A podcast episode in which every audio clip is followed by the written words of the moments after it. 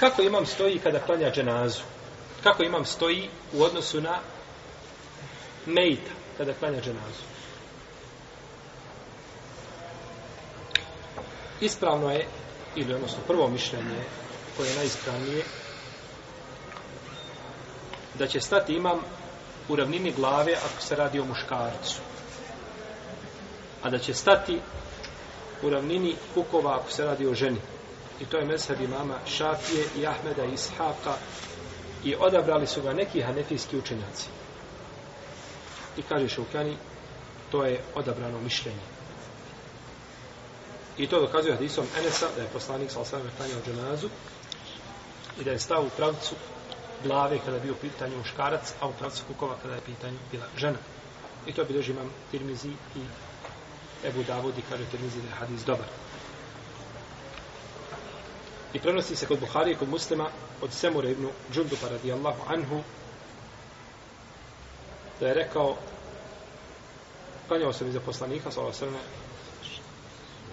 ženi koja se zvala Umu Kjab umrla je u Nifasu pa je poslanik svala srne stao na sredinu nje to je u pravcu njenih kukov u redu. drugo mišljenje da stoji u ravnini Prsa bilo da se radi muškarcu ili ženu. I to je mišljenje anefijski pravi.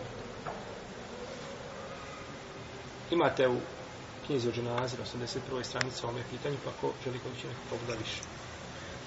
Vidimo ovdje da većina učenjaka ima hadises. Da se muškarci staje u ravnini glave, a ženi u ravnini kukom. Tako da, mišljenje hanefijskih pravnika nema jakog argumenta i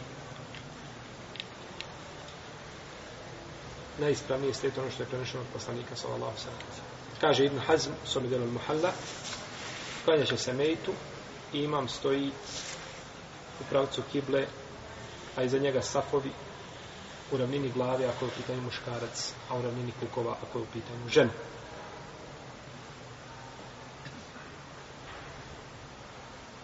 Lijepo je imamu da poreda ljude iza sebe u tri safa, ako ima malo ljudi.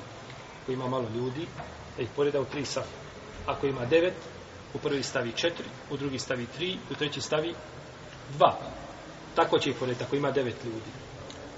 A ako ima svakako više ljudi, onda će biti, ako bude više safova. No, međutim, kada bi svi ljudi mogli stati u jedan saf, klanjaju na livad, i mogu stati u jedan saf, da je farz namaz, preče da stanju šta, u jedan saf, i da klanjaju svi u jednom safu. No, međutim, kada je dženaza, tada nije preče. Tada je preče da budu tri safa.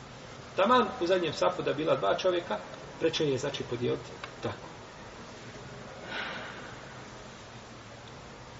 Jer je došlo u hadisu, koga bilježi vam Tirmizi i ocenio ga je dobrim, on i šeh Albani, da je poslanik sa osvrame rekao, nema ni jednog čovjeka koji presali pa mu klanjaju tri safa muslimana, a da neće zaslužiti.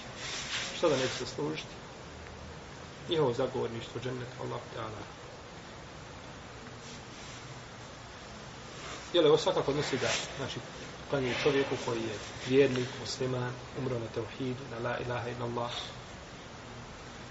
a nikako, znači, ljudima koji su izišli van okvira Islama ili su bili munafici i sveče tome.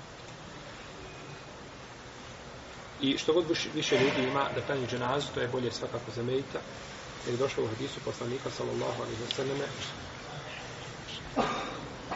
nema, znači, jednog muslimana koji presli, a da mu ne klanja stotini ljudi dženazu, a da uzvišeni Allah neće primiti njihovo zagovorište. Tako je došlo od Isu Ajše, o kome smo neći govorili.